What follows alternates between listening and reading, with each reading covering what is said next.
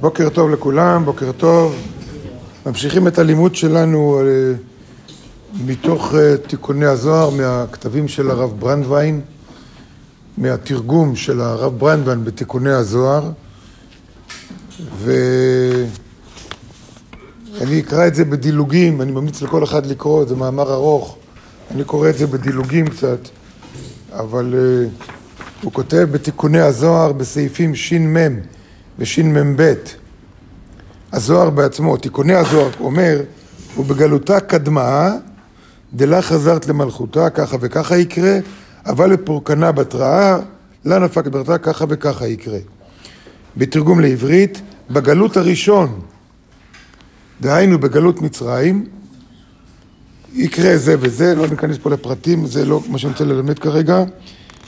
ואחר כך הוא אומר, אבל בגלות האחרונה יקרה משהו אחר. אז השאלה, אם יש גלות ראשונה וגלות אחרונה, כמה גלויות יש בכלל? כמה גלויות יש, או היו, או יהיו? על כמה גלויות בסך הכל מדובר? ארבע. נכון, יש ארבע גלויות ויש ארבע גאולות. יש ארבע גאולות, כי מכל גלות יש גאולה. כשיוצאים לגלות, שוב, גלות זה לא רק הגלות הפיזית. אחת מארבע גלויות, לא יצאנו מהארץ, והייתה פה גלות. מה עם הארבע גלויות? הראשונה הייתה גלות מצרים, השנייה הייתה גלות בבל ופרס, כי זה היה אחד אחרי השני, השבעים שנה שבין מקדש הראשון לבית המקדש השני, אז בשבעים השנים האלה היה גלות בבל, ואחר כך פרס קמה ונהייתה אימפריה, וזה המשיך לתוך גלות פרס.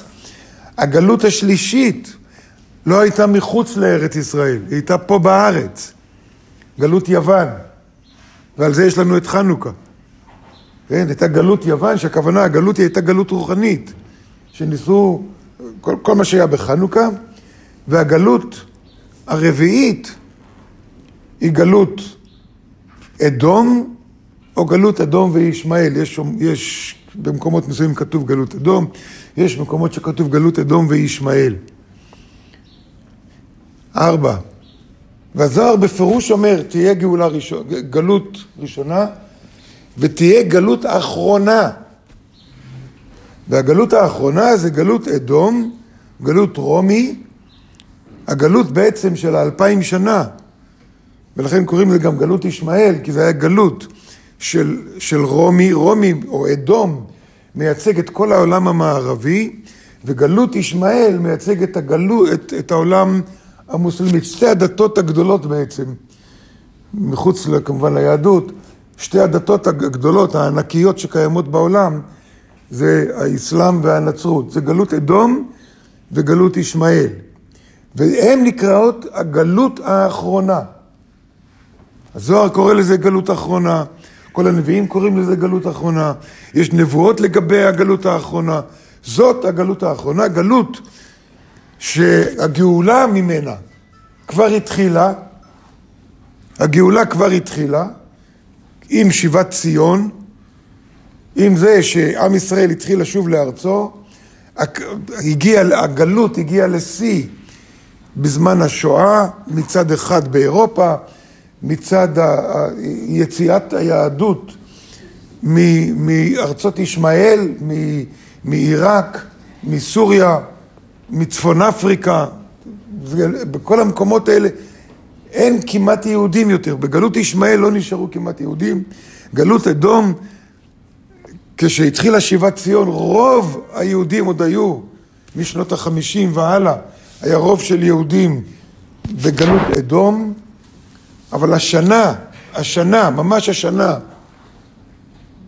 נוצר שינוי עצום, ומספר היהודים בארץ גדול יותר ממספר היהודים בכל מקום בעולם, ביחד.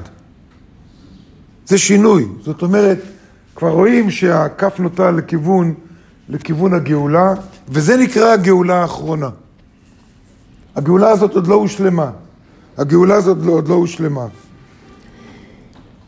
איך זה קשור לפסח ולמצרים? אז הוא כותב על הגאולה, על, על, על הגלות הראשונה, דיברנו על זה הרבה, על העניין שהזעיר אנפין היה בגלות, הכוח הרוחני שלנו היה בגלות, היוד כו"ק היה בגלות. מה שקורה תמיד, גלות זה אומר שהכוח הרוחני שלנו הוא בגלות, כתוצאה מזה קורים דברים גם בגשמיות. אני מקווה שזה מובן מה שאני אומר, אוקיי? תמיד, תמיד, כל גלות זה גלות שהרוחניות שלנו היא בגלות. הרוחניות, לא הדתיות. הרוחניות, הזעיר אנפין שלנו הוא בגלות. בגאולת מצרים, ושוב אני חוזר על דברים שלמדנו, אבל אני חוזר כי זה כתוב פה, בגאולת מצרים נתגדל זעיר אנפין בפעם אחת, כדי להוציא את ישראל ממצרים, זה כותב הרב ברנדווין, שלא יטמאו בין המצרים וידלג על הקץ בפעם אחת. וזה, קוראים לזה התערותא דל אלה, התעוררות מלמעלה. כלומר, זה בא מלמעלה בלי שאנחנו עשינו משהו.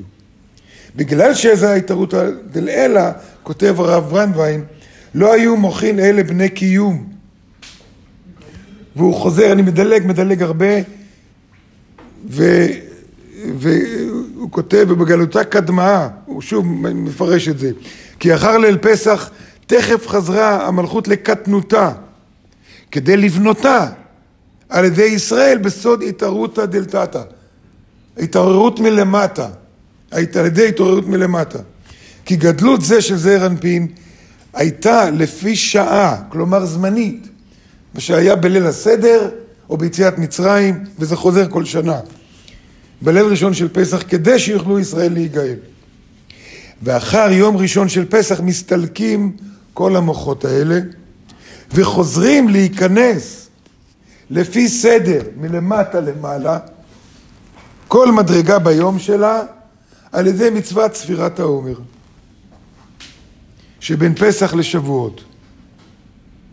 אז בין פסח לשבועות יש לנו ספירת העומר. ספירת העומר אנחנו מכניסים על ידי המילים שלנו, על ידי הספירה. אנחנו מכניסים כל יום את האנרגיה שלו, את הגדילה, את הצמיחה הנורמלית הידועה לנו. כמו שכל דבר גדל בצורה הדרגתית, אנחנו גדלים בצורה הדרגתית, ההתפתחות הרוחנית שלנו בצורה הדרגתית. גם זה בין פסח לשבועות, עד שמגיעים לשבועות ומגיעים לגדלות המקסימלית. מה זה גדלות מקסימלית? מה זה גדלות מקסימלית? בילה המוות לנצח. שליטה מוחלטת בכל השליליות שקיימת בעולם. שליטה מוחלטת. וזה מה שקרה בשנה הראשונה, כשבני ישראל יצאו ממצרים. ואז זכו למעמד הקדוש, לשמוע, לשמוע מפי הבורא, אנוכי השם אלוקיך וכן הלאה, שנקראים גילוי של יציאת מצרים, המוחין יחידה. יש דרגות שונות, יחידה מלשון אחד. כמה אחדים יש בעולם? אחד. יש אינסוף אחד. יש אינסוף אחד. שהם חירות ממלאך המוות. אז זה קרה וזה קורה כל שבועות, שאנחנו מגיעים בעצם לשיא. עכשיו השאלה, מתי, מתי תיגמר הגלות, הגאולה האחרונה? כי אנחנו רואים שגם הגאולה האחרונה היא הדרגתית. מתי היא תיגמר? איך זה ייגמר? מה יקרה שמה? מה ההבדל בין מה שקרה לאורך אלפיים שנות גלות, בין מה שקרה באלפיים שנות גלות, שכל שנה הגענו בשבועות לגאולה מוחלטת, ובין זה שנגיע לגאולה המוחלטת מוחלטת, סופית. זה נדבר בשיעורים הבאים.